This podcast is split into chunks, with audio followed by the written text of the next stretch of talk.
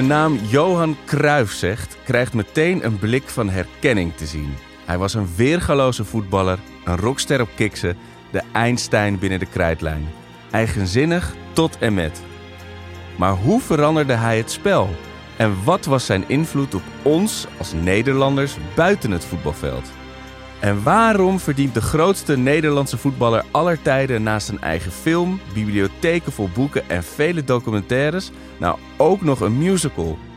Hierover hoor je meer in 14e podcast, waarin we met gasten spreken die door Johan zijn beïnvloed. Van teamgenoten tot bewonderaars.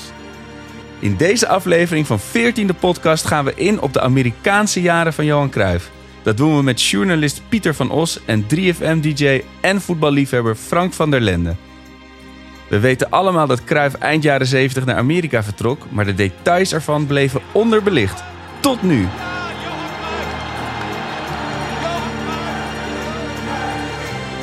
Het is mij een zeer grote eer en genoegen om hier aan tafel te hebben eh, Frank van der Lende. eh, 3FM-dj, eh begenadigd voetballer. En dat eh, mag ik zeggen, want ik, we hebben jaren samen in een team gespeeld. En zo mogelijk nog betere keeper. Ja, dat, dat mag je zeker zeggen. Ja. En Pieter van Os. En volgens mij he- heb je ook de lengte om keeper te zijn. 2 meter 2 ben ik. Ja, en mijn, hier. mijn voorbeelden waren ook nee, Edwin van der Sar, eh, Pieter Schmeichel, grote keepers. En, eh, nee, dus nee, dat heb ik met heel veel liefde gedaan. Voetballen was echt... bij, bij de club van Van Gaal hebben wij gevoetbald Ja, bij- samen. bij de. Meer. Nee, Nee, oh, de, de meer. meer. Sorry. Ja, echt, zo, ja, goed, ja, ja. zo goed waren we Nee, niet. Nou, jij wel. Jij had het kunnen halen. Nou, ik heb, ik heb hoofdklasse gespeeld en ben kampioen geworden toen de tijd. En Met de daarna Meer? gingen we landelijk. Nee, dat Nee? was weer met de Legmeervogels toen ik nog Ja. keeper was. Maar toen wij wat ouder waren, op respectabele leeftijd, Arco en ik. Ja. En meer van bier hielden dan van voetbal, speelden wij in een vriendenteam bij de Meer. Waar Ja. Louis van Gaal ooit ook is begonnen. Ja, ja. Dus nou, even, even stoer doen aan het begin van deze Ja, podcast. terecht, terecht. Maar jij Ja. bent veel stoerder. Dank je. ik. Ja, nee, ik zeg van direct al, eh, ja, Welkom aan tafel. d- dank je. Nee, leuk dat je uitgenodigd bent. En eh, de schrijver van wat ik het leukste boek over Johan Cruijff eh, vind. eh, leuk om te horen. zijn jaren in Amerika. Dat is onder andere wat we gaan behandelen deze aflevering. Het, is, het, het is eigenlijk de meest hotse knots, raarste tijd, denk ik, uit Cruijffs leven. Waar we het over gaan hebben. Het eigenlijk gaat het, wat de musical gaat over zijn leven als voetballer, als speler. Ja. Eh, we zijn nu aanbeland in het stuk dat hij naar Barcelona gaat. Eh, hij gaat daarna in zaken, in, in conserven wil hij. Eh, ehm, hij raakt al zijn geld kwijt. Hij gaat naar Amerika. En hij komt terug naar Nederland bij Ajax. En hij eindigt bij Feyenoord. En hij hangt zijn schoen aan de wilgen. Dus dat is een gigantisch tijdsbestek. eh, waar we het, al, wat gaan we allemaal even aanraken. Maar eigenlijk wat ik het leukst vind, wat, wat, het, wat ik het fascinerend vind, is zijn tijd in Amerika. Eh, dus fijn dat je er bent. Ja, dank je, dank je. Ik vond dat ook inderdaad. Ik, eh, ik had het niet door voordat ik naar Amerika ging. Ik eh, ging twee jaar in Washington D.C. wonen. En toen kwam ik daar mensen... Ik wist al dat hij ooit gevoetbald had. Maar zoals alle Nederlanders dacht ik... Ja, dat stelde niks voor. Hij moest zijn zakken vullen. Hij was failliet gegaan. Maar wat ik toen niet zo goed realiseerde... dat alles wat Cruijff doet is natuurlijk fascinerend. Het is ook een Ja. rare man. Dus er gebeuren gekke dingen. En er waren daar nog mensen die zich die tijd herinnerden. Dus voetballiefhebbers in Washington D.C. was een man die een tweedehands boekenzaakje runde. En zei, kom je uit Nederland? Nou ja, ik heb Johan Cruijff nog zien voetballen. En dat dan praten we over 1980. Hè? Dus eh, ik was daar in 2004. Zo. En die man kon zich die wedstrijd nog levendig herinneren. En eh, de wedstrijd die hij dan gezien had. En ook wat de betekenis van Cruijff was. En het televisieprogramma dat Cruijff had. Die had dan een paar minuten legde die het voetbal uit. Nou, dat is, er wordt nu voor woede poging gezocht om dat op de Nederlandse televisie te krijgen. Weet ik omdat ik af en toe gebeld word dan door iemand die weer op zoek is. Dat, dat fragment, dat ja, dat- voetbal ja, en dat deed hij dan iedere week vier tot acht minuten. En dat ging echt op de enige wat ik toen gezien heb, was eh, dan legde hij uit hoe de ingooi Niet. moest. Gewoon En echt als voor, een voor dummies. ja, voor dummies. Echt. En ook als een evangelist. Dus, eh, dus ja, hij vertelde natuurlijk dat het heel leuk was voetballen. Maar niet alleen dat. Het was ook echt van je moet je eh, voeten aan de grond houden. En je, wat is een foute ingooi? Dan deed hij dat ook voor. En, en dan vertelde hij heel af en toe was een anekdote. Maar nauwelijks. Het was gewoon echt de voetballeraar. Maar dat was toch ook zijn taak, wat ik, wat ik een beetje heb gelezen over wat er in jouw boek naar voren komt. Ja. Zijn taak was om voetbal populair te maken in Amerika. Ja, Ja, dat dus- is zijn missie zelf. Dat was zijn Ja. missie. Hij Ja. zat dat zelf inderdaad als zijn missie opgevat. Hij, volgens mij was dat ook iets omdat hij daarmee belangrijker kon zijn dan Pelé. Hè, want die was daarvoor een in? Amerika geweest. Nou, een strijd voor hem. Dat speelde voor hem. Dus eh, hij zei dat in interviews. eh, zo van, eh, Pelé heeft voetbal naar Amerika gebracht. En ik zorg dat jullie van voetbal gaan houden. Hè? En, uh, ja. ja en, en als Johan dat zegt, dat zegt hij zoals ik hem heb leren kennen door de boeken en, en wat ik allemaal over hem heb gehoord en gelezen. Dat zei hij dan niet als soundbite, weet je. Dat, zei hij, hij was, dat meende hij echt, weet je. Hij ging daarheen om het, het gospel van het voetbal te verkondigen. Ja. ja. Uh, En wij, dat weten wij, nou ja, dankzij jouw boek natuurlijk veel meer. Maar daar weten we in Nederland zo weinig van, van zijn tijd daar, van, van het voetbal daar. En daar, daar kunnen we dus misschien niet genoeg tijd voor, dus we moeten een andere keer doen. Maar er zijn allerlei redenen waarom we dat eigenlijk niet weten. Dat heeft ook iets te maken met dat voetbal hoort niet bij Amerika. En dat willen we ook eigenlijk zo houden. En dat gunnen we ze niet. Nee, gunnen we eigenlijk we ook allemaal wel blij. Tenminste, laat ik namens mezelf spreken, maar volgens ook, ook mijn vrienden, dat het, het is eigenlijk niet gelukt. Oké, nu gaat het weer goed met het voetbal in Amerika. Maar een paar jaar nadat hij vertrokken was, is ook die hele competitie verdwenen. Was het profvoetbal gewoon verdwenen uit Amerika. Dus het, uh, maar hij had toen ook al door waarom het niet zou lukken. Want er waren geen jeugdelftallen. Er was geen structuur om dat voetbal heen. En dat, daar ging je al meteen helemaal los over. En hij wilde meteen met de directeur van de voetbalbond aan tafel om dat, om dat uit te leggen. Ja. was het vliegtuig nog niet eens geland. Ja, ja, het boek dat, ja, het boek dat ik schreef is al heel lang geleden. Dus ik herinner het niet eens meer heel goed. Maar ik geloof dat het motto van het boek ook een zin van hemzelf is. Volgens die, man, die Amerikanen die ik sprak, zei hij altijd: It's impossible. It's impossible. En die mensen begrepen het niet waarom hij dat zei. Maar dat is een soort Nederlandse uitdrukking van: uh, uh, kan niet. Weet je wel? Uh, doe normaal. Ik, ik kan het niet eens in het Nederlands goed uitleggen. Het is een soort Cruyffiaans voor... Um, ja. Uh, maar omdat die structuur er niet was, ja, wat ja, jij zegt. Ja, hij was dus woedend dat de dingen niet gingen zoals hij het wilde.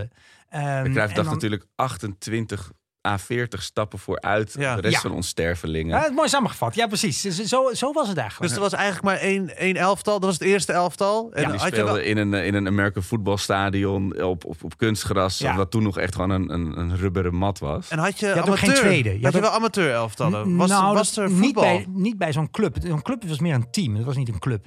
En die teams Ah. werden gekocht, zoals het in Amerika gaat, door miljonairs die er wel brood in zagen. En ze zagen er brood in. Eh, ik zal het niet te lang maken hoor, maar dat is. Nee, het is eh, een podcast.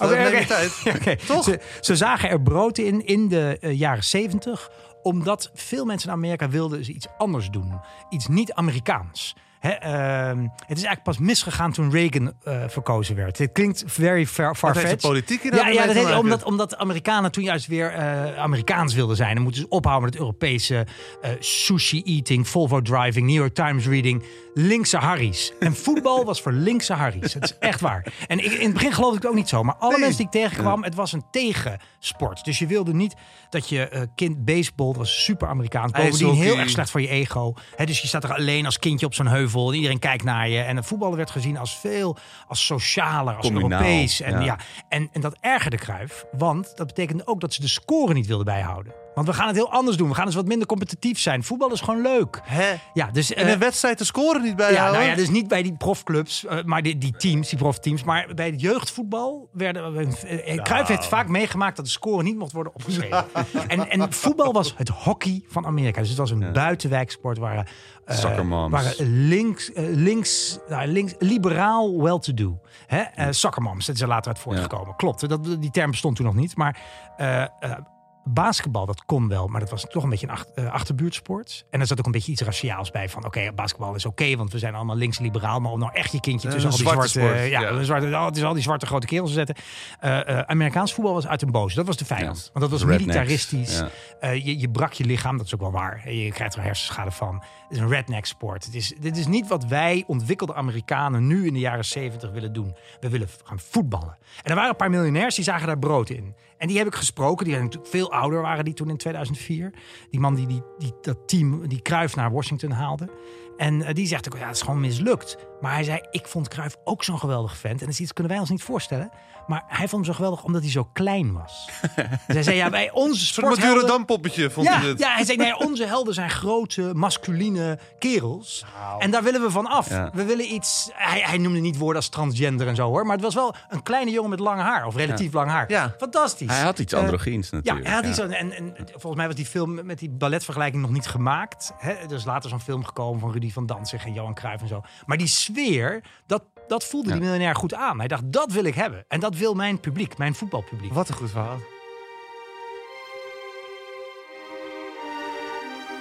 We zijn uit een startblok geschoten. Heerlijk. Ja. Ik wil even helemaal naar het begin terugnemen. Ehm, ik wil ook nog even hoe jij op dit verhaal op het spoor bent gekomen. Laten we heel even Johans leven nemen. Hij komt naar Amerika. Eh, ook hij, hij is berooid geweest. Hij moet gewoon zijn hele fortuin opnieuw opbouwen. Eh, hij is plat zak geweest. Dan maar naar Amerika. En eerst heeft hij gesprekken ook met de New York Cosmos. En dat is een team. Daar spelen op dat moment dus inderdaad Pelé, Beckenbauer. En dat is echt het, het, ja, het super, super sterk Een team. Weet belangrijke je, Paris Saint-Germain. Ja. Carlos, ja. Eh, en het New York van de jaren 70 was ruig en vuig. En je had natuurlijk de disco's en de clubs. En, maar Johan voelde hem niet, hè? Nee, en een Italiaanse spits. Een belangrijke Italiaanse spits. Die eh, eigenlijk alle ballen moet krijgen. Dat vind ik En dat wilde hij natuurlijk Nee, hij wil. Hoekstra aan de spits. Dat had hij toen nog niet gedaan bij Feyenoord, weet je nog? Die simpele jongen. Zodat En- hij kon floreren Ja, en, eigenlijk. en die, die mag hem best op het laatst erin tikken. Ja. Dus dat is geen probleem. Maar die moet niet overal de ballen gaan opeisen. maar dan, En, daarom eh, koos hij niet voor de Nee, Cosmos. dat, ik weet niet zeker of dat de eerste reden is geweest. Het had er ook iets mee te maken dat eh, een beetje dat Bergkamp, Bergkamp die naar Milaan gaat, die dan eh Inter Milaan gaat en dan naar elf te staan. Hè? Dus hij dacht, die Cosmos die wonnen alles. Die, eh, dat is natuurlijk niet... Afbreukrisico was ja, groot. ja, ja, hij wilde ergens komen en dan zo'n team helemaal vormen en dan het kampioenschap binnen. Want zo is het in Barcelona ook gegaan. Die waren 14 jaar uit mijn hoofd, dus dit, dit kan fout zijn. Maar ja, die waren zo'n 14 jaar niet kampioen geworden. Die lag op zijn gat. En dan, ja, wij, zoals we in Nederland El Salvador zeggen, de verlosser, komt hij binnen en die draait alles om. En dat kon natuurlijk niet in New York. En er komt iets anders bij. En dat, eh, en dat is heel Amerikaans. En dat is bij al die sporten zo. Amerikanen willen niet dat er één club de beste is. Nee. In geen van die sporten. Dus ze willen het eerlijk verdelen. Dus ook de bond, die een grote stem had, NESL... die zagen wel dat hij al een voorcontact met Cosmos had getekend. Want eh, die Cor Koster was een linkmichel. Hè, die had al geregeld... Van Ja, ik Johan- weet nu wie dat is door de musical. Ik heb hem Oh, gezien. oké, oké, maar dat was ja. een Nou. zaakwaarnemer. Cor Koster die had geregeld, en schoonvader inderdaad, die, Ja. eh, die, die had geregeld dat eh Cruijff zou ophouden met voetballen. Of Johan Cruijff zou ophouden met voetballen. En, en Johan zal echt nooit meer gaan voetballen. Dat was heel duidelijk. Maar eh, als hij dan ooit weer zou gaan voetballen, dan moest hij bij de Cosmos gaan voetballen. En alleen al voor het tekenen van dit contract kreeg hij een, een lading geld. En dat had hij nodig, want hij was platzak. Ja, Alles vond- voor geld. Ja, bovendien Koster vond geld altijd prima. Of je nou platzak was of niet. Hè? Dat is ook een beetje de vraag hoe platzak die was. Hoor. Maar goed, hij had heel veel geld verloren met Basilevic, met zo'n oplichter in Barcelona. En dus, ja, nu ging hij weer voetballen. Kon hij moeilijk zeggen, ja, ik ga ergens anders voetballen. Dus dan moest eerst, eh, dus de club die hem ging kopen, moest geld betalen aan de Cosmos. De bond wilde eventueel helpen, omdat die Cosmos al te veel sterren hadden. Bovendien, die hadden een vol stadion. En al die andere teams hadden geen vol stadion, zelfs hele lege stadions.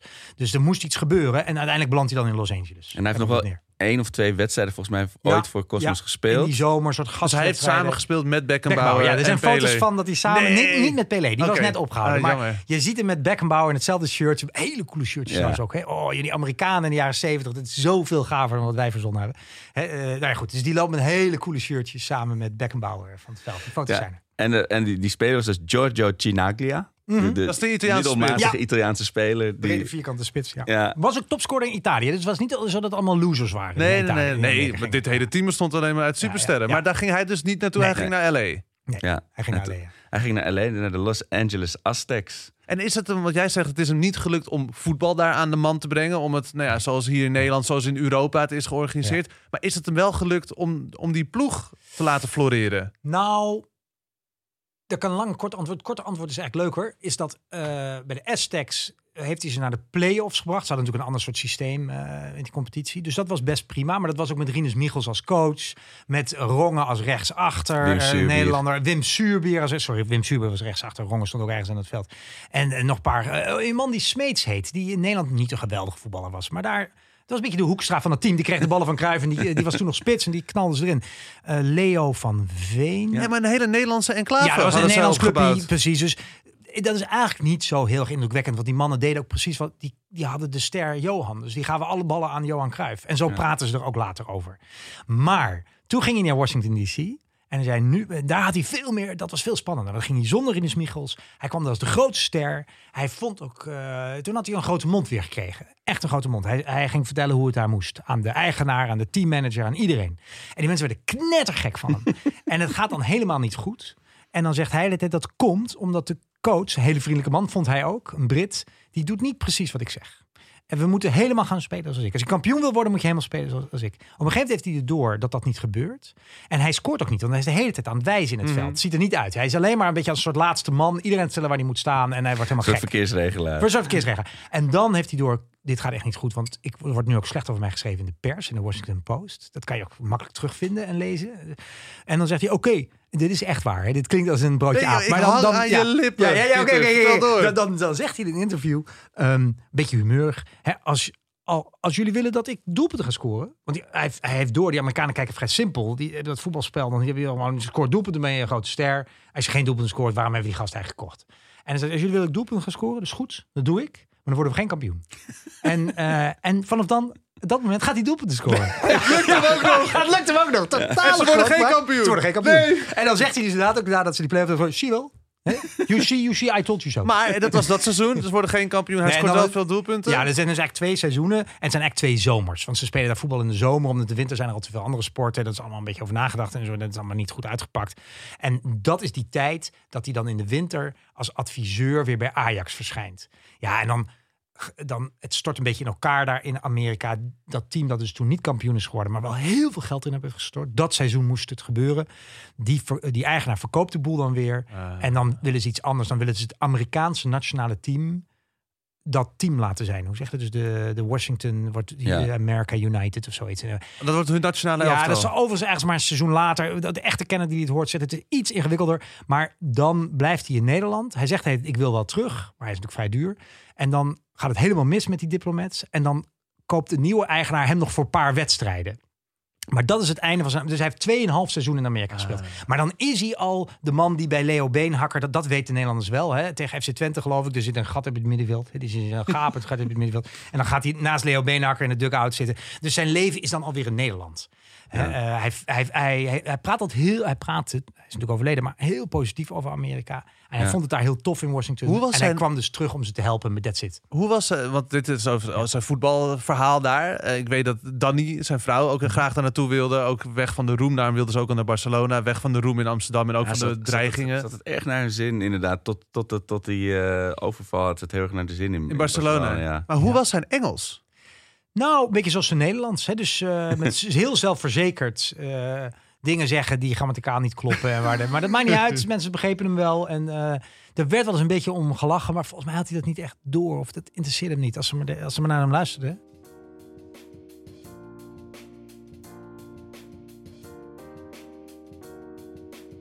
Hoe was zijn leven verder daar? Qua Nou, privé? Nou, dat is wel dat is een interessante vraag. Want toch wel anders dan wat je zou verwachten. Hij niet het leven van een voetballer. Dus hij woonde wel in een kast van een huis in Washington D.C. Naast Robert McNamara. Precies, Een van de precies. grootste, invloedrijkste politici Ja. van de hele wereldgeschiedenis. Tenminste, van de 20e eeuwse Ja, ja, geschiedenis. ja, zeker. Hij was minister van Defensie geweest in de Vietnamoorlog. En hij was de baas van de Wereldbank. En daar eh, maakte hij ook praatjes mee. En hij ontdekte als het ware het leven van... eh, kijk, Washington D.C. is een aparte stad. Want er wonen eigenlijk niet zoveel sporters. En het is heel erg een eh, diplomaten- en eh, politici-stad. En daar ontdekte hij als het ware het Amerikaanse, Amerikaanse high life. Dus hoe moet, je, hoe moet dat zeggen? Hij begon daar zijn gedachten over liefdadigheid. Dat je als je een groot miljonair bent, heb je ook een groot liefdadigheidsfonds.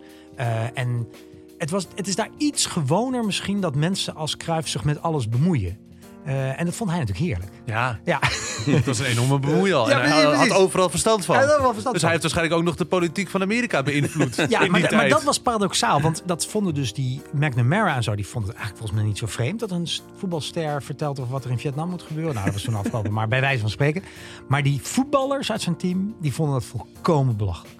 Dus die heb ik natuurlijk opgezocht. En toen ontdekte ik waarom het leuk was om dit boek te schrijven. Dus goed dat ik nog even kan zeggen. Is dat als je met Wim Jansen over die tijd sprak, dat deed ik ook, dan krijg je de bekende voetbalclichés. Hè, dus uh, nou, het was duidelijk. Ik bedoel, Johan die speelde een beetje rechts hangend op het middenveld. En dan, nou ja, je, je kent het allemaal wel. Maar die Amerikaanse voetballers, die worden nooit geïnterviewd. Dat zijn, die zijn tandartsassistent geworden. en die vinden het fantastisch als er een Nederlander langskomt. En die vertelde ook, van er kwam een fan bij ons en iedereen, we begrepen wel, we wisten wel dat misschien wel de beste voetbal ter wereld nu. Of is in ieder geval geweest. Ja. Maar hij had niet die status die hij in Europa had. Dus het was ook gewoon een teamgenoot. En al snel hadden ze door dat Johan Cruijff niet vond dat hij zomaar een teamgenoot was. He, dus dat leidde tot rare taferelen op de training. En ook op een tweedeling tussen die Maar spelers. wat dan bijvoorbeeld op de nou, training? Er is een man, Sonny Eskew. Dat is die tandartsassistent waar ik het over heb. By Mokajoa. Look out for this one. Here's Askew again. It's a goal! Askew, the man who beat Los Angeles, the 22-year-old kid from Baltimore, just 40 miles from here, has scored for Washington, and we've got a new ball game with six minutes. En Sonny Eskew, die hebben we later nog een keer opgezocht voor een Stuur Sportreportage. Dus die is wel eens een keer op de Nederlandse televisie gekomen. Die stond ook op het middenveld. En die dacht dat hij een beetje een ster van die diplomats was. En Cruijff had al snel door. Twee sterren op het middenveld, dat kan niet. Dus die moet eruit. En dat gebeurt ook uiteindelijk. Maar die Sonny Eskew, hij begint gewoon met te zeiken tegen Sonny Eskew. Hij geeft die ballen toch beter mijn rechtervoet en waarom eh, je kan het niet. En Sonny Eskew is gewoon een Amerikaan. Dus het was voor die teamleiding wel belangrijk. Had je één Amerikaan, ze hadden maar een paar Amerikanen. eh, die moet er ook een beetje goed uit. En die stond ook op de poster van het begin van het jaar. Stond op Wim Jansen, Sonny Eskew en Johan Cruijff. De midfield of the century of zoiets. Je. Eh, Amerikaanse termen, zat ook cheerleaders en zo. Hè. Dus allemaal alle erop en eraan. Maar Johan Cruijff die dacht, die gas moet eruit. En Eskew werd zo gek van zijn gezeik. En waar Frank Rijkaard van de training is weggelopen en een paar weken zoek was. eh, hou eens op met je eeuwig gezeik. eh, zei deze Sonny Eskew is hem gewoon aangevlogen. Dus die is gewoon met twee handen naar zijn keel gegaan en die heeft gewoon op hem gelegen. En zoals hij zelf zei, wel, eh, nee, gewoon in, maar even in het Nederlands ze moesten me van hem aftrekken. En toen had ik ook wel door hoe de verhoudingen waren. Want ik dacht, waarom trekken jullie Johan Cruijff niet van mij af en mij van Johan Cruijff? Hè, zo van, potverdomme. ehm, Toen had hij eigenlijk verloren. ja, hij van verloren, Johan. ja, ja. En, en het jammer is dat Johan Cruijff zei tegen me dat hij zich dat niet herinnerde. Maar dat kan niet. Als je dus op een training door een medespeler en iemand ligt op je en de rest moet hem eraf trekken. En, eh, en Johan Cruijff heeft toen ook wel tegen die coach gezegd, het is hij of ik. Hè, dus dit gaan we niet meer doen. Ja. En Sonny Eskew heeft geen wedstrijd meer gespeeld. Oh, wat een goed verhaal. En zit er nog steeds mee. Dat vond ik mooi. Ja. Ja, zeker. Ja. Dat je het onderspit hebt gedolven tegen Johan Cruijff is in, in Europa compleet acceptabel Ja. voor, voor je ego. Maar daar natuurlijk anders als je op dat moment een ster bent. Maar het, eh, hoe goed was hij nog? Want hij heeft daar een doelpunt gemaakt. Nou, in een podcast kun je dat dan weer helaas niet laten zien. Misschien in de show notes een link als hij ergens online staat. Maar Ja, ehm, dus- dus- een dus- legendarische goal heeft hij voor de Washington Diplomats gemaakt. ja, Eh, er zijn een paar legendarische goals. En sommige daarvan die staan op YouTube. Dus maar gewoon even Johan Cruijff, NESL. En er zijn heel veel Amerikanen die dat leuk vinden. Hè? Dus die die kan je vrij makkelijk vinden. Maar daar hebben vrienden en ik een meningsverschil over. Ja, ik weet het nu niet meer zo goed. Kijk, ik vind het fantastische goals. Ehm, maar er zijn ook wel mensen, moet je zien wat die verdedigers doen. Maar Oh, goed, ja. dat zeggen mensen ook als Maradona tegen Engeland speelt. Het zijn de beste verdedigers van Engeland. Oh, hè? Dus eh, Ja, maar je beschrijft er een in je boek met Ja. de lop van 37 meter. Ja, dat hij, fantastisch? dat hij de bal krijgt aangespeeld met zijn rug naar drie verdedigers. Op een of andere manier komt hij er doorheen door Ja. alleen maar zijn versnelling. Hè, de versnelling in een versnelling, Ja. waar hij onbekend staat. Ehm, en dat hij dan een lop geeft Ja. van 37 meter afstand over Ja. de keeper heen. En dat hij ook zegt, ja, die keeper staat niet fout. Ja. Het was geen fout van de keeper dat hij te ver voor zijn Ja, dat zegt hij dan na de wedstrijd. zegt hè? hij, ja, maar God, hij hij zegt meer dan ik. Hij Hij zegt geleden. Ik Ja. had gewoon berekend, als ik hem zo schiet en de wind pakt Ja. hem een beetje mee, ja, dan, dan kan die keeper op de doellijn staan. Maar dan gaat hij erin. Ja, je, je hoort het een beetje zeggen. Ja, zeker. Maar dat, dat, toen ik Oh, dat las, dat heb ik ontzettend tof dat je het gelezen hebt. Nee, want toen dacht ik van wauw. Ja, nu is er een beetje een, was dus een anticlimax. Ik breng nu even, de- ben nu de partypoeper. Daar zijn geen beelden van. Oh. Dus van die Alsof het goal- waar is. Het kan ook Cruyffiaans Nee, zijn. ik heb er Iedereen wel kan veel weer mensen zijn over gesproken. Die keeper heb ik ook gesproken. En die ja, zei? ja, die zei, die, die, zegt, die zei ook nog van... eh, Johan Cruijff zei na de wedstrijd was mijn schuld niet. dat zei de ander ook. En ja, nee, dat is... eh, en, oh ja, in de Washington Post is die goal ook beschre- beschreven. Het is toch een fatsoenlijke krant. Dus Ja. het zal niet verzonnen zijn, maar er zijn helaas geen beelden van. Maar was hij nog zo goed? Net Nou, zoals dat doelpunt. Nou, ik denk het wel, want eigenlijk is dat maar een paar weken of maanden. Dat volgens mij niet zo ver voor die goal die hij tegen Haarlem scoort. Precies, Dus hij komt terug in Nederland op de velden. Hij we- gaat met Ajax tegen Haarlem en dan scoort hij ook zo'n lopgoal. Daar Ook wil ik naartoe, want ja. daarna zag je zijn klasse nog heel erg inderdaad bij zijn return met die goal tegen Haarlem. En daarna heeft hij natuurlijk zijn eentje nog dat hele Feyenoord Ja. kampioen gemaakt. Dus hij had het nog wel. Hij had het zeker. Hij had het Eh, zeker. oh, en, maar, maar dat lag niet per se aan het niveau van de North American Soccer League, denk ik. Of, Nee, ik denk dat hij in het begin van dat tweede seizoen wilde hij echt goed voetballen met eh totaal voetballen, of hoe we het maar noemen, met dat Washington Diplomats. En toen speelde hij dus als het ware slechtere wedstrijden. Want toen was hij zo bezig met dat team eh, klaarstomen. Daar had ik een anekdote van die. Ook hij zei daarvan, dat was ontzettend jammer. Dit was een van die boeken, wat, dat je je met de hoofdpersoon praat, wordt alles minder leuk. Want hij zei, ja, dit kan zo zijn. Kijk, ik, eh, ja, natuurlijk, ik moest natuurlijk een beetje de lijnen uitzetten. Maar eh, Gordon, eh, Graham heet hij toch zo- zo lang geleden van mij. Maar die coach, die heette Gordon. Hè? Gordon, die, eh, die wist, had ook echt wel het spelletje goed gezien.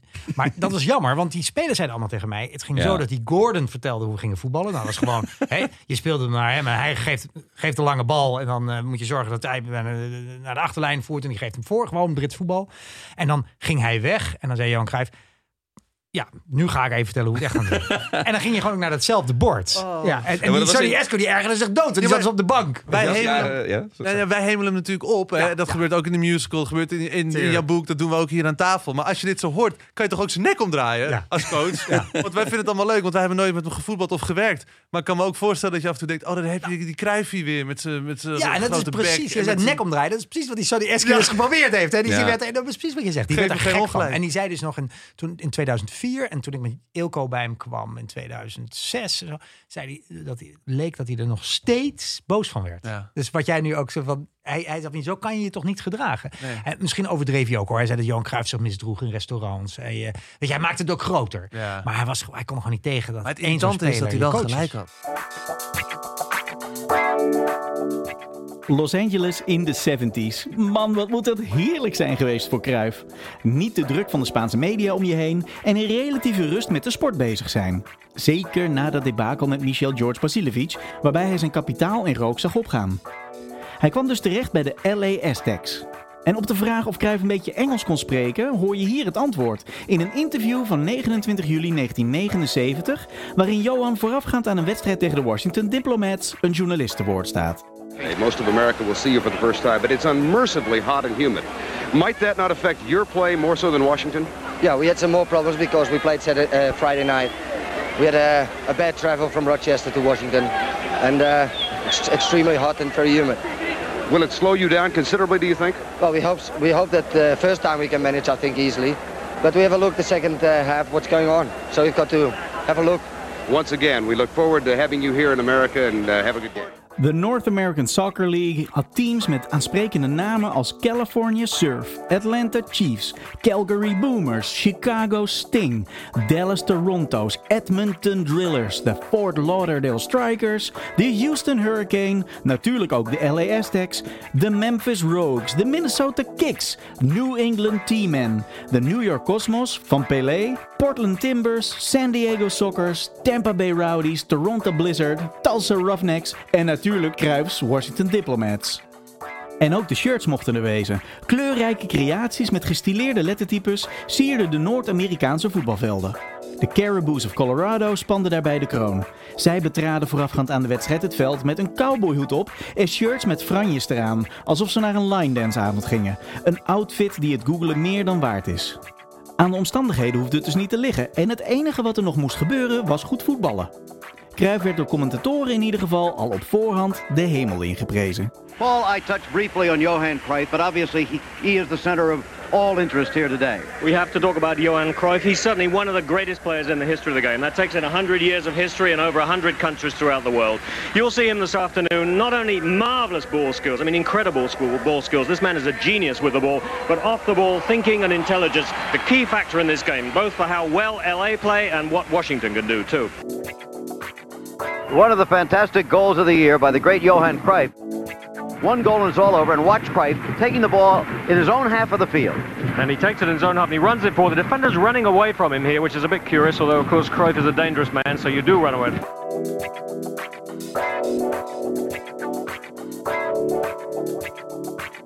Je, je had het al even over die prachtige shirts van eh, New York Cosmos. In Amerika gelden totaal andere wetten. Het is entertainment. Het- die LA, die Los Angeles Aztecs, die hadden ook prachtige shirts. Je had de, je had de, de, de Edmonton Roughnecks en zo. Weet je. je had allemaal van die namen, van die Amerikaanse namen van things. Ja, nee, je hebt gelijk. Je hebt gelijk. Fantastisch. Ik heb de hoofdstukken van mijn boek, is zo lang geleden ook, maar die zijn ook naar die teams. Omdat Ja, het zo dat mooi is het, ja. Dat is zo heerlijk. Nee, dus die cultuurschok speel. eh, De en San dat was niet alleen van die extras, maar er waren ook mensen die hem bewonderden als speler, maar die zeiden buiten het veld werd je knettergek van die gast. Eh, En wilden ze gewoon naar huis en niet dat. eh, en ja, hij bemoeide zich natuurlijk overal mee. Dus dat was voor Amerikaanse sporters ook vreemd. Die zijn, die waren als het ware meer werknemers van Ja. het bedrijf. En ik denk ook dat het anders is. Wat, wat- jij ook schetst, je, je, je had die, die league. Die bestond uit allemaal soort van has-beens of voetballers die net in hun nadaag zaten. George Best was volgens mij al gestopt, maar die zat in die bar in L.A. met Wim Suurbier lekker te drinken. Eh, als hij daarna was terechtgekomen in wat nu de MLS is, met allemaal jonge, leergierige Amerikaanse talenten. Nou, die hadden hem natuurlijk alles gefroten wat hij zei. En dit Ja. waren gewoon gasten, laat me met rust, ik moet, ik moet mijn schulden afbetalen, weet je. Ja, dat, dat, is- dat is, speelt ook een rol. Ja, daar heb je gelijk in. Dat is anders dan dat Amerikaanse voetbal nu met die salarisplafonds. Maar hij kon wel normaal over straat daar natuurlijk. En dat was... Ja, maar daar, zijn, daar ben ik dus niet helemaal achter gekomen. Dat is een van die dingen in het boek dat, waar geen oplossing voor komt. Er zijn eh, spelers die herinneren zich. Nee, dat was zelfs de teammanager, die Den Zensky. Die zei ja, Johan Cruijff die kwam aan uit Los Angeles met het vliegtuig. En wij hadden hem voor veel geld gekocht. Dus hij zou de grote ster worden. En dan komt hij uit het vliegtuig en dan vraagt hij aan Den Zensky... Ah, mijn, mijn fans die zullen wel om de hoek staan, toch? Je hebt toch wel fans? En uh, Den Zensky, nee, dit is, dit is soccer, weet je wel. Ja. Niemand die jou... En eh Denzensky denkt dat Johan Cruijff zich daar persoonlijk ongelukkig over voelde. Dat hij eh, zo'n gewone persoon was. Anderen zeggen, en dat zou best wel eens kunnen, dat Johan Cruijff toen al eigenlijk wilde laten weten... Jullie organiseren dat niet goed. Hè, als je een ster koopt, dan moet je ook publiek hebben. Ja. En dan moet je de Los van pers zijn, hebben van zijn persoon, Ja. zeg maar. Ja. Maar dat, dat is niet helemaal duidelijk, want dan gaan ze die avond eten in het restaurant. En dan denkt Denzensky, en het kan zijn dat hij gelijk heeft, dat Johan Cruijff ongelukkig is. Dat hij daar zit, niemand hem kent. En dan gaat Denzensky naar de kelder van dat restaurant. En dan zegt hij, eh, want daar werken allemaal Latino's, zoals ze dat toen noemden. eh, eh, Hispanics, en die, die namen veranderen. Maar goed, mensen met een Latijns-Amerikaanse achtergrond die van voetbal houden. Ja. Dus dan gaat hij naar de keuken, terwijl ze in zo'n chic Washington DC restaurant zitten. En dan zegt hij, ik heb Johan Cruijff boven. Weet je, de, de voetbal, ik heb, Johan, heb je Johan Cruijff. En dan komen al die, omen- ja, dan komen al dus die koks en, en hulpjes komen er boven een handtekening. En volgens Denzensky leeft Cruijff dan helemaal op. Maar dat vind ik, dat past niet bij de verhalen die wij als Nederlanders van Johan Cruijff kennen. Dus Nee. ik, ik geloof het niet helemaal. Nee, maar niks menselijks is ook Johan Cruijff vreemd Ja, geweest. Dus een beetje aandacht, hè? een, beetje, een, een beetje zijn. zon, een beetje water, daar gaat elke plant van groeien. en En ook, en ook Johan Cruijff.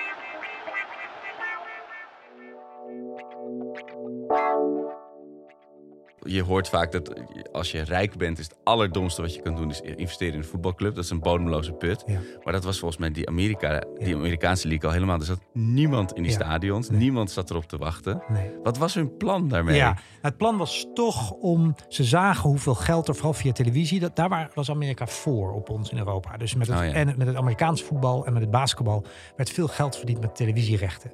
Omdat er dus miljoenen mensen naar zaten te kijken. En ze hoopten, ze dachten, ja, wie weet. Maar er waren dus al drie sporten. En jij noemde ze als ijshockey, als je die bijrekent, het vier sporten. Hè, en dus, dus baseball, Amerikaans voetbal, basketbal en dan misschien ook ijshockey. Was, die konden ze dan misschien verslaan, dachten ze. Nou, dat is niet gelukt. Maar er, er was eigenlijk gewoon geen ruimte meer op de televisie. Dat was het misschien vooral. En in de tijdgeest Ehm, ook nog niet. Misschien, ja, nee, dat ging ook mis. Dus het was eventjes zo dat ze klaar waren voor voetbal. Eh, als je dus bij de Cosmos zat het even bomvol. En er is één wedstrijd geweest waar Johan Cruijff in speelde. En die is integraal te, te, te- die kan je vinden. Je moet er wel even wat voor doen. Hij staat niet zomaar op internet, maar je kan hem bestellen ergens. Ehm, eh, tussen de Washington Diplomats en de Cosmos. Want dat waren dan dus eh, de, de Inter en AC van dat jaar. Of eh, Manchester City, Manchester United. Dat was even de, de, de, de, grote, de twee grote clubs. Grote teams, moet ik zeggen. En, eh, en dan zit het vol ook in Washington. En Ja. er zijn dus inderdaad mensen in DC die zich die wedstrijd nog... en dat gevoel en die vibe... en die Denzensky liep toen huilend door het stadion schijnt... en zei het is gelukt. Voetbal is, eh, has arrived in America. Hè? Amerikanen kunnen dat, die voelen dat ook zo. Hè? Dus ze dachten toen allemaal, het is ons wel gelukt. En die Mooi. miljoenen zijn niet voor niks. En, eh, Ja. en ja, dat- Niets bleek minder waar. Ja, ja, ja. maar ja, uiteindelijk, nu is er wel een vrij bloeiende competitie. En Ja. zeker ook het vrouwenvoetbal. Is Amerika natuurlijk echt, echt Ja. Het beste van de wereld. Groter dan hier nog. Ja, Ja, maar dat, je kan bijna zeggen dat bewijst dat het het hockey van Amerika is. omdat vrouwenvoetbal Ja, zo vrouw, groot ja, dat mag je niet zeggen. In een, eh, ik weet niet, in deze podcast kan je dat wel zeggen, toch natuurlijk. Maar als er is dus zo'n wet. Ik heb dat ergens een keer van een wetenschapper die zich met sport bemoeit. Die zegt: eh, de grootste sport. eh, kijk, het is leuker. Het is leuker. Voetbal heet voetbal of soccer.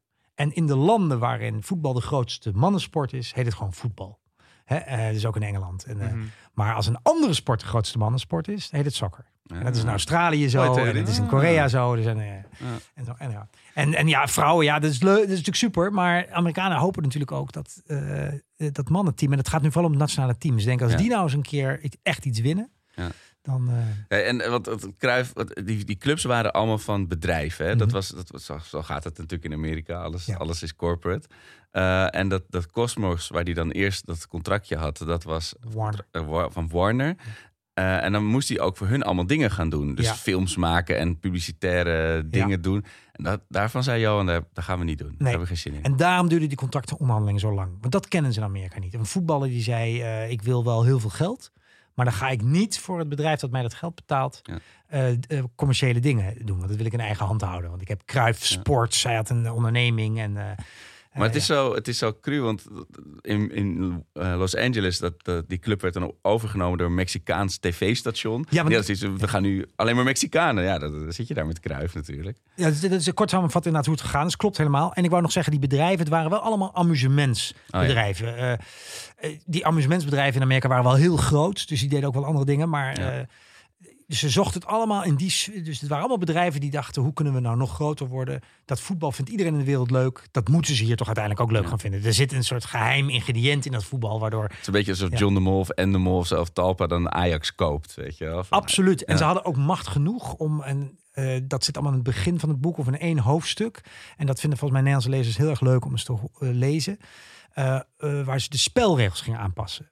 Want- ze hadden wel door, er moet iets in zitten dat het leuk maakt. Maar Amerikanen zijn toch een beetje anders. Gelijkspel is echt nee, vloek op in de deze manier Ja. kan het niet. Hebben ze de spelregels van voetbal aangepast? Ja, en de hele tijd. Dus ieder seizoen weer, dus een beetje voordat Cruijff kwam, weer andere regels. Maar gelijkspel, zei jij, is Dat uit een mag boze? niet. Nee, dus dat dan ook was het een een sudden death? Of... Ja, ze hadden de sudden death. En eh, voordat we dat ooit mee geëxperimenteerd hadden in Europa. Aanvankelijk hadden ze gewoon doorspelen tot er iemand wint. Niet. Maar dat is een keer helemaal misgegaan. Ja, hoe lang is de langste wedstrijd dan Ja, nog niet ja, dat staat in het boek. Jammer dat ik het niet meer uit mijn hoofd weet. Maar eindeloos. Echt eh, drie keer 90 minuten of zo.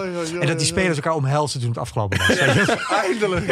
Maar, ook- leg maar- hem erin, Maar ze hebben ook iets bedacht waar, waar volgens mij nog waar ooit nog een proefballonnetje van is geweest. De shootout, waar Ja. ik dus ontzettend voorstander Net als met hockey, dat je op het doel afgaat. En en je bent samen met Cruijff. Je, goed niet de minste. Ja, Ja. ja. goed gezien. Dat wou ik Hè, zeggen. maar dat je vanaf de middenlijn opdribbelt. Nee, niet de dan- middenlijn. Ze hadden in Amerika een lijn bedacht waarvoor je niet buitenspel kon staan. Want Cruijff ook, die zeiden, en uh, Amerikanen ook, uh, anders wordt het spel te klein. Wat wij dus nu in Nederland zien. Hè. Als je, op televisie zie je het trouwens nooit. Je moet wel naar het stadion valt me op. Dat hoe klein dat speelveld is. Ja. Want je, iedereen speelt buiten spelveld. Dus nou, Ja. ik hoef jullie niks uit te leggen, potdorie. Maar misschien zijn er nog luisteraars die dat eh, eh, even willen begrijpen. Hè. Dus, je, maar dus in Amerika als het spel moet breed blijven. Dus je kan dus een 30-yard line... Alleen voorbij die lijn kan je buitenspel staan. Ah, ja. En Marco van Basten heeft nog ooit voorgesteld om niet om buitenspel af te schaffen. Dus het hangt nog altijd wel ergens in de lucht.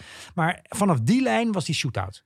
En, Dus, je, eh, en je kreeg ook nog volgens mij negen punten voor, voor als je won of zo, toch? Ze hadden gewoon... Ja, ze hadden ook die punten totaal Ook door elkaar gehaald. puntentelling opgegooid. Ja, ja. Maar is die shootout er nooit gekomen? Of Nou ja, hebben in ze wel mee Amerika wel, in Amerika wel. geëxperimenteerd? Ja, ja. En Johan Cruijff vond het fantastisch. En je moest binnen vijf seconden... de- En daar zijn ook op YouTube beelden Je kan van. veel creatiever Dus- zijn natuurlijk, ja. dus dat vond hij leuk. Ja, en die topwedstrijd uit Washington, dus eh, de Diplomats en Cosmos, die eindigt met een shootout. Helaas was Cruijff toen al met een rode Ah. kaart afgestuurd of met een blessure achtergebleven. Ik had hem graag rust. willen zien dribbelen inderdaad. Ja, En dan... en, maar hij heeft dat veel gedaan. En hij verzon ook allerlei dingen als een lopje. En eh, het enige was, eh, en daarom is het er volgens mij nooit gekomen. Het is heel blessuregevoelig. Want die keeper komt dus ook uit. Precies. De speler komt naar voren. En je knalt tegen Die probeert op. gewoon je, je enkels. Ik ben lang Ja. keeper geweest. Die probeert dan gewoon iemand onderuit Ja, te ja, die gaat. Ja. In ieder geval heel angst aan je achter. Ja, ja, en, groot knal op elkaar. Ja. En, en Johan Cruijff heeft ook wel eens echt secondenlang verdood op het veld gelegen. Dat mensen dachten, oh, onze grote ster. Holy fuck, wat doet hij nou? Maar komt daar misschien ook van die shootout die slimme penalty ooit vandaan? Die Cruijff heeft genomen? Of was dat daarvoor? Olsen. Ja, nou in het boek beweer ik van wel. Ik kan het Oh, niet echt? hard maken. Ja, nee, nee, nee, maar hou dat- dit, hou dit vast, ja, maar dat dit soort experimenten. Dat, eh, Cruijff stond dus open voor al deze dingen. Hij stond dus niet open voor de punten niet meer tellen en al dat hippie gedoe. Want er zat heel veel hippie gedoe rond voetbal. Je moet voor de grap is ook die beelden, moet je naar het publiek kijken. Daar staan van die borden als, ja, in Nederlands vertaald, hup, hup, hup, schiet hem erin. Ik bedoel, dus het tegenovergestelde van hooligans. En we praten in Nederland was het jaren tachtig. Je ging naar Eindhoven om iemand het ziekenhuis in te schoppen. En in Amerika gingen ze dan samen een beetje. Ja. Gezellig en we gaan het anders doen en we zijn leuk. En eh, het was een musical Hair met een bal. Hè, dat, dat, dat was voetbal. Ah, Dit ja. klinkt echt uh, Ja, jij als muziek in ja, mijn ja, oren ja, niet in thuis, thuis. Ja, bij de New York Cosmos niet meer staan. Nee, nee, absoluut. Haarband het. in en dan gewoon gaan. gaan. En die puntentelling nog? Maar dus die goals, dus wat Ja. je zei met die penalty, dat experimenteren. Johan Cruijff vond het fantastisch. Ja. Dus die kwam met allemaal dat soort ideeën naar Europa. En dat bracht hij dan Eh, weer in bij Ajax, Nederland zelf. ja. Nee. En, eh, maar die puntentelling zei je dat negen punten per gewonnen Volgens mij wedstrijd? was het negen punten als je Ja. gewonnen had. Ja, ja. jij weet beter dan ik, dat, dat is ook een seizoen. Dus we- het is wel heel vaak veranderd. Dus ze probeerden ieder seizoen weer het anders. Want die, die stadions raakten maar niet vol. Hè? Dus, eh, Maar ook dingen als tijdklok. Hebben ze ook een tijdje gehad. Eh, daar praten ze nu veel over, toch? Eh, dus alleen zoals met- effectiviteit. Dat je op het moment Oh, dat het bal- spel stil ligt, tijd stil. Dus geen tijdrekken. Ja. Maar sommige van die. ja, ze hadden ook nog een competitie. Waar dat hebben ze in, in Nederland werd ook wel een beetje geëxperimenteerd. Weet je nog dat je KRO minivoetbal had met goal, met gaten achter het goal en zo. Het was ook een beetje die tijd. Dus je had ook een indoor competitie met boardings. Een soort ijshockey Ja, eh, ja. Nou, daar, daar, daar had Johan Cruijff geen zin in. Oh, Nee. goed. eh. Nee, maar dat, dat, spanningsveld tussen... Dat, het zegt gewoon... Die hele periode zegt zoveel over Johan. We hebben het erover gehad dat hij zich overal mee wilde bemoeien. Maar ondertussen had je dan de bobo's en de corporates... waar die gewoon... Die hem natuurlijk wel een enorm bedrag betaalden... maar waar hij vervolgens helemaal niks van wilde weten. En aan de andere kant had je... Weet je, zei hij wel dingen van... Ja, dit is de kans om de Afrikaans-Amerikaanse community... voetbal te leren kennen. En eh, dat zit volgens mij ook in de voorstelling... dat hij naar, eh, voor een stichting van de zus van Kennedy... met eh, mensen met een lichamelijke beperking gaat hij Ja. sporten. En dat, daar gaat, daar, dat, dat doet hij dan met vol, volle overgave... met, met zijn hele Daar krijgt hij inzicht ook voor zijn Cruijff, eh, Foundation Ja. inderdaad. Omdat Ja. je ziet van ja, er komt meer bij kijken dan alleen maar voetballer zijn. Ja. Ik kan mijn bekendheid en mijn Ja. kennis ook inzetten. Ja. Niet omdat het mij plezier geeft, maar het geeft die kids op het veld plezier. Dus ik kan Ja. iets terug doen. Ja, nou volgens mij zag je in Amerika ook wel, als dat jouw vraag, als je daar naartoe wil, is dat hij dat, eh, dat sporters dat buiten het voetbal dan in Amerika natuurlijk vaker deden en hun foundations hadden en dan serieus genomen werden Ja. door mensen door wie hij serieus genomen wilde worden. Ja, door iedereen. Dus, eh, eh, dus ik denk dat hij daar ook wel veel in Amerika van eh, opgepikt had. En ik ben ook niet de enige die dat beweert. Er zijn ook wel mensen in zijn Ja. omgeving die zeggen dat hij in Amerika daar... ja, de- hele belangrijke kreeg. periode is eigenlijk Ja. die enorm onderbelicht is geweest. Ja. Want ik, was Ja. het, ik wist het eigenlijk niet Nee. voordat ik de musical zag. En je hebt een hele mooie documentaire over de New York Cosmos, over, waar hij dan Ja. niet in zit volgens mij, maar wel over de Pele en zo. En hoe dat New York van die tijd was. Een hele mooie docus Maar, Frank, we zijn al, echt al heel lang heerlijk aan het kletsen, maar ik heb helemaal nog niet aan jou gevraagd. Wat is, wat is jouw band met Cruijff? Hoe is hij in jouw leven Ja, ik, ik ben een, een Ajax-kind. Dus door mijn ouders echt opgevoed. In 95 stonden we ook op het, op het Museumplein. Ik was eh, zeven jaar, dus ik hield wel van voetbal. Maar het was vooral mijn ouders namen me mee. Hup. ik was het, gewoon alles wat met Ajax te maken had, eh, daar werd ik in meegezogen. Ook door mijn opa, die kwam ook al naar Ja. voetbal kijken. En die was ook helemaal Ajax-minded. Hij heeft ze, ze gelukkig nog kampioen zien worden vorig seizoen. Of toen waren ze officieus kampioen. Helaas is hij daarna overleden. Maar ik was oprecht heel erg blij dat hij wist dat Ajax kampioen werd. Dus het zit, het zit in mijn DNA. En ik ben te jong voor Johan Cruijff. Ja. Ik ben, kom uit 88, memorabel voetbaljaar. Maar eh, wel in december, dus ik heb alles gemist. maar maar dat zit, ja, Johan Cruijff zit gewoon in mijn Ajax-DNA. En hoe ik hem dan ook weer zie floreren tijdens, tijdens eh, in, die musical, tijdens de beelden die worden laten gezien. Maar ook hoe die praat, inderdaad. Waar we het nu weer over hebben. Daarom hang ik ook echt aan jouw lippen over zijn Amerika-periode. Omdat er zit zoveel meer in dan alleen maar voetballer. Mijn band daarmee is ook juist, daarom vind ik heel fijn dat je dat ook aanhaalde, hoe die op het veld stond. Wijzen. Zo zie ik Johan Cruijff voor mij. Ik heb niet echt doelpunten die ik per se wil uitpikken. Er zijn weer een paar on top of mind vanwege die musical. Maar dat wijzen. Er is ook een iconisch beeld in die musical dat hij zo staat met zijn vingers naar weerszijden, armen zo gespreid. Als een soort Armin van Buren achter zijn DJ-set. staat hij op het veld en te wijzen en te delegeren. En ondertussen ook zelf nog goed voetballen. En dat vond ik zo knap. Dat multitasken, die, die twintig stappen vooruit denken. Dat, ja, dat, dat is voor mij Johan Cruijff. Een leider zijn en niet alleen maar daarboven hangen, maar ook onderdeel zijn van de groep. Ja, en dat anti-autoritaire vind ik ook wel leuk. Ja, hè? Vind ik toch wel spannend. Wat ik zelf dus heel mooi vond, eh, jij, jij kwam bij ons in het voetbalteam spelen. Ik, ik kende je al, al langer van werk, dus weet je, ik vond het gewoon gezellig. Maar voor mij was jij altijd gewoon Frank. Maar in een, vo- een voetbalkantine is een hele conservatieve vestibule. Weet je, daar, daar verandert al 40 jaar niks en daar is iedereen gewoon normaal. En Frank kwam dan na de, na de eh, wedstrijd, na de training in je bontjas, kwam je gewoon de kantine binnen. Ze zag je al, papa, waarom heeft die meneer een bontjas aan? Weet je? En, dan bestelde hij wat aan de bar. Bestelde hij wat aan de bar. En dan, papa, die meneer, die meneer heeft gelakte nagels. Weet je?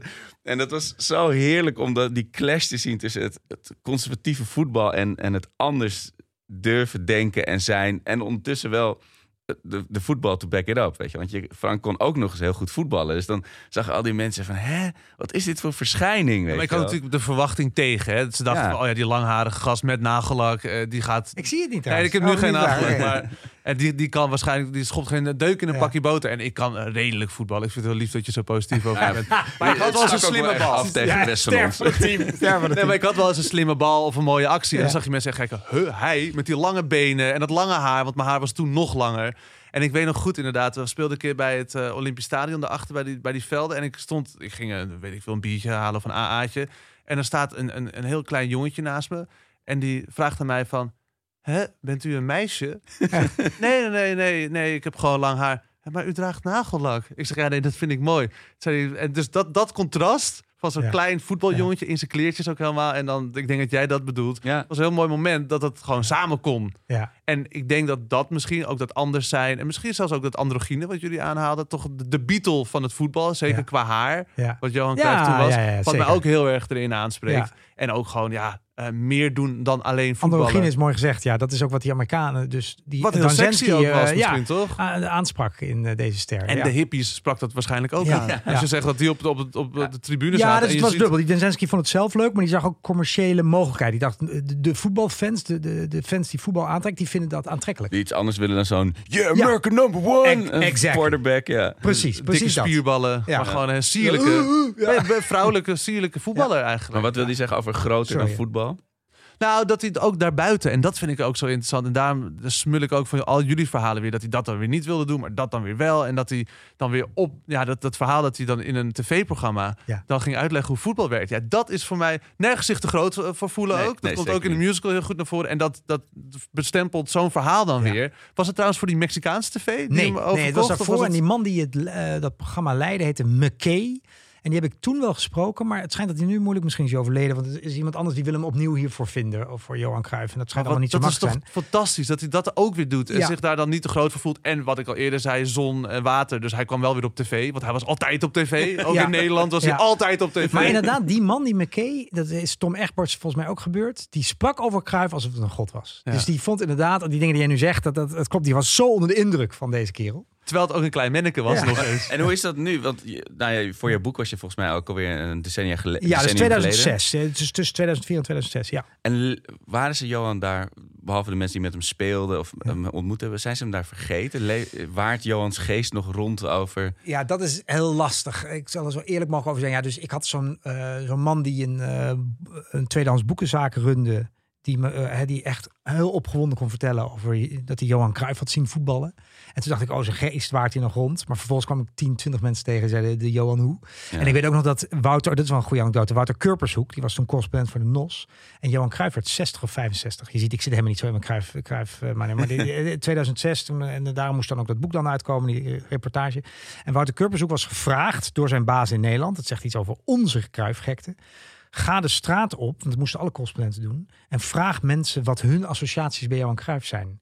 Ja, die man zat in New York. Die zei niks, nul. Nee. Ja. Dus als je hier nu- dat- nu de straat op loopt en vraagt een quote om Tom Brady, de, Ja. de quarterback van de Patriots, zeggen mensen, wat Wie? heb je Ja. Precies, Ja. precies. Dus die Curves die werd daar gek van. En die zei, wat denken ze in Nederland wel precies? Nou, je hebt het samengevat. Dat, zo heftig is het ook niet. Maar, Maar, ik, had- ik had wel, op een gegeven moment speelde er bij Ajax John O'Brien. Echt zo'n surfer dude. Ja. En die had nog wel echt, weet je, die was echt wel trots dat, eh dat Cruijff in zijn LA nog had gespeeld en zo. Er was natuurlijk wel gewoon echt een link, omdat hij Ja. en een Amerikaans voetballer en bij Ajax was. Maar je ziet dat bij de mensen die er met voetbal wat mee te maken hadden. eh, maar dat je zegt dat hij zo'n surfer dude was. Ja. Want inderdaad, hij kwam uit de Amerikaanse voetbalcultuur. En je had ook die Fenty Lalas hè, met een gitaar. En eh, dat is misschien voor jouw tijd. Ja, maar nee. ja, zo'n jongen met een rood baardje. En die speelde Oh, gitaar ja. tussendoor. Ja, en dat was totale Grateful 94. Dead en yo, gasten, voetbal. Die was wel een profvoetballer. Is uiteindelijk naar Italië gegaan. En heeft daar ook geld verdiend. Maar een andere jongen, Donovan... Die, eh kwam Die ken ik wel. Die ja, is van later. Ja, die is van veel later. Nummer inderdaad. 10 uh, achter. Ja, Alexi. Lalas is volgens mij nu de directeur van LA Ja, Galaxy. dus die is er helemaal mee doorgegaan. Ja. En die heeft volgens mij nog Beckham naar LA, eh, LA Galaxy gegaan enzovoort. Maar die eh, Donovan, die is, kreeg een contract in Duitsland. En die is na een jaar teruggegaan. Heeft zijn contract moeten afkopen. En eh, wij schrijven hier, hij had heimwee. Maar zelf zegt hij, eh, die Europese voetbalcultuur staat me tegen. Ah. Vindt het gewoon niet leuk. En het zou ook wel eens kunnen dat hij eigenlijk van mannen houdt. Niks mis mee. Maar vond, Dat kon, het voelde dat niet kon helemaal en lekker. kan nog steeds niet echt. Nee, dat is toch kennelijk. Ja. Ja. eh, Ja. We zijn volgens mij op een breekpunt, maar dat is een ander onderwerp. ja. Ja, ja, ja. Hey, en eh, eh, dit, we zitten nu in de, in de reis met Johan. Zitten jullie in de ene laatste aflevering? Want het musical gaat over zijn, zijn, zijn spelende leven. Nou, die eindigt eigenlijk eh, na Amerika. En dus nog een prachtig jaar in Amsterdam. Eh, weer met Heibel vertrokken. Eindelijk naar Feyenoord. Wat al, ook al heel lang in de, in de, in de, eh, in de lucht hing. Want ook- zelfs in zijn glorietijd bij Ajax had hij gezeik over zijn contract. En dan dreigt hij die elke keer. Ja, Feyenoord wil me ook hebben. Hoor. en dat gebeurt dan. Dat was natuurlijk zo- scorekosten Briljant. natuurlijk ook weer die erachter. Ja, zat. ja, ja. Maar zij dachten altijd, hij bluft. Doet hij niet. Wij zijn zijn familie. Dat ga je nooit doen, Johan. Z- Zijn moeder maakte zijn kleedkamer schoon bij Ja, Ajax. daarom, weet je. Zijn vader was weet je, de grootste fan. Het graf van zijn vader ligt tegenover de meer. En hij gaat. Dat, dat, dat- is ook voor, voor mijn tijd, weet je wel. Maar dat, Fantastisch toch? Ja, Ja, mijn. Ajax-hart, dat, dat bloedt als je dat ziet. Maar als je ziet dat hij weer zo eigenwijs is, zijn poot stijf houdt. Oh, jullie moeten me niet? Nee? Oh ja, jullie schrijven me af. Jullie vinden me niet goed genoeg meer en te duur en ik ben te laks en noem maar op. Kijk, ik laat jullie wel een poepje ruiken. En dan maakt hij wel. En daardoor kan je, je kan zijn nek weer omdraaien. Ja. Eigenlijk op dat moment. Maar ja, omdat hij het wel flikt. Ze, worden, ze winnen de KNVB-beker ook nog volgens mij. En ze worden kampioen met Feyenoord. Door Johan Cruijff. Ja, dan kan je toch niet boos op Ja, dat zijn. maakt de mythe wel helemaal compleet. ja, hè? Ja, absoluut. Dat is volgende keer. De mythe is, in dat, wat, Zeker het- dat gaat heel erg over het nalatenschap van, van Johan Cruijff. Van, vooral mensen die nog jonger zijn dan, dan jij. Van, hoe breng je dat over? Wat, wat, moeten we, wat moeten nog jongere mensen weten over Johan? Wat kunnen we van hem leren? En dat, dat, dat ja, daar gaan we. En dat eigenwijs zijn heel gezond is. Eigenwijs is heel gezond. Ja, maar en vind je dat, mist het een beetje in het voetbal? Nu? Ja? Ja, het is, de oren worden wel heel erg eh, gehangen naar het, sowieso het geld. Maar ook wel naar wat, wat. Ook social media speelt er natuurlijk een hele grote rol in. Hè? Iedereen is maar bang. De, ene, de enige die het nu heel erg eh uitvergroot doet, is Memphis Depay. Ja, en die is de hele tijd de kop van Jut. Ja. Dus ik weet niet hoe Johan Cruijff zou zijn geweest in deze tijd met social media. Misschien was het wel een mega-influencer. Hè? Net, als, net als Memphis Depay. Die doet wel echt hele domme dingen met, met, ja, met wilde dieren en zo. Kijk, dat je, dat je jezelf helemaal in de spotlight zet, maar laat dieren lekker voor wat Ah, ze zijn. Babel had toch ook wel wat... Babel heeft nu eh, een rap eh, een tijdje geleden uit waar die Affelay in dist en zo. Nee, maar ik dat denk zijn dat wel. vooral Danny Cruijff heel groot was geworden op Instagram. Zoals Terwijl zij de roem niet heel graag wilde. Oh, nee, dan, eh, Maar zij wilde wel weer verkopen. Haar eigen kledinglijn en zo kwam ook in die musical Ja, naar ja, voren. ja. Dus ik denk dat... dat Winkeltje en de kikkers gaat hier vlakbij. ja, ja, Ja, zeker, eh, absoluut. shoetiek. Ja. Hey mannen, Exact, Zo, ja, ja, ja, alle goed komt een einde. Nee, we kunnen wel uren doorpraten. echtgenoten, dit is echt, eh, wat mij betreft kunnen we samen nog uren hierover doorpraten. Ik dank jullie heel erg voor jullie fijne, eh, warme woorden over Johan en over de prachtige historische Wilde Westen in het voetbal. Bedankt. Dank je. Goed man, goed. Echt super, super. ontzettend leuk. Ja, ontzettend goed. Bedankt voor het luisteren naar dit zesluik over Johan Cruijff. Wil je meer weten over de musical? Kijk dan op 14themusical.nl. En vergeet niet om de podcast te delen met je vrienden op social media. En geef alsjeblieft likes en sterren waar je maar kan. In de volgende aflevering van 14e podcast kijken we naar de toekomst van Cruijff en zijn nalatenschap. Met columnist en schrijver Toby Lakmaker en regisseur en maker van 14e musical Tom de Ket.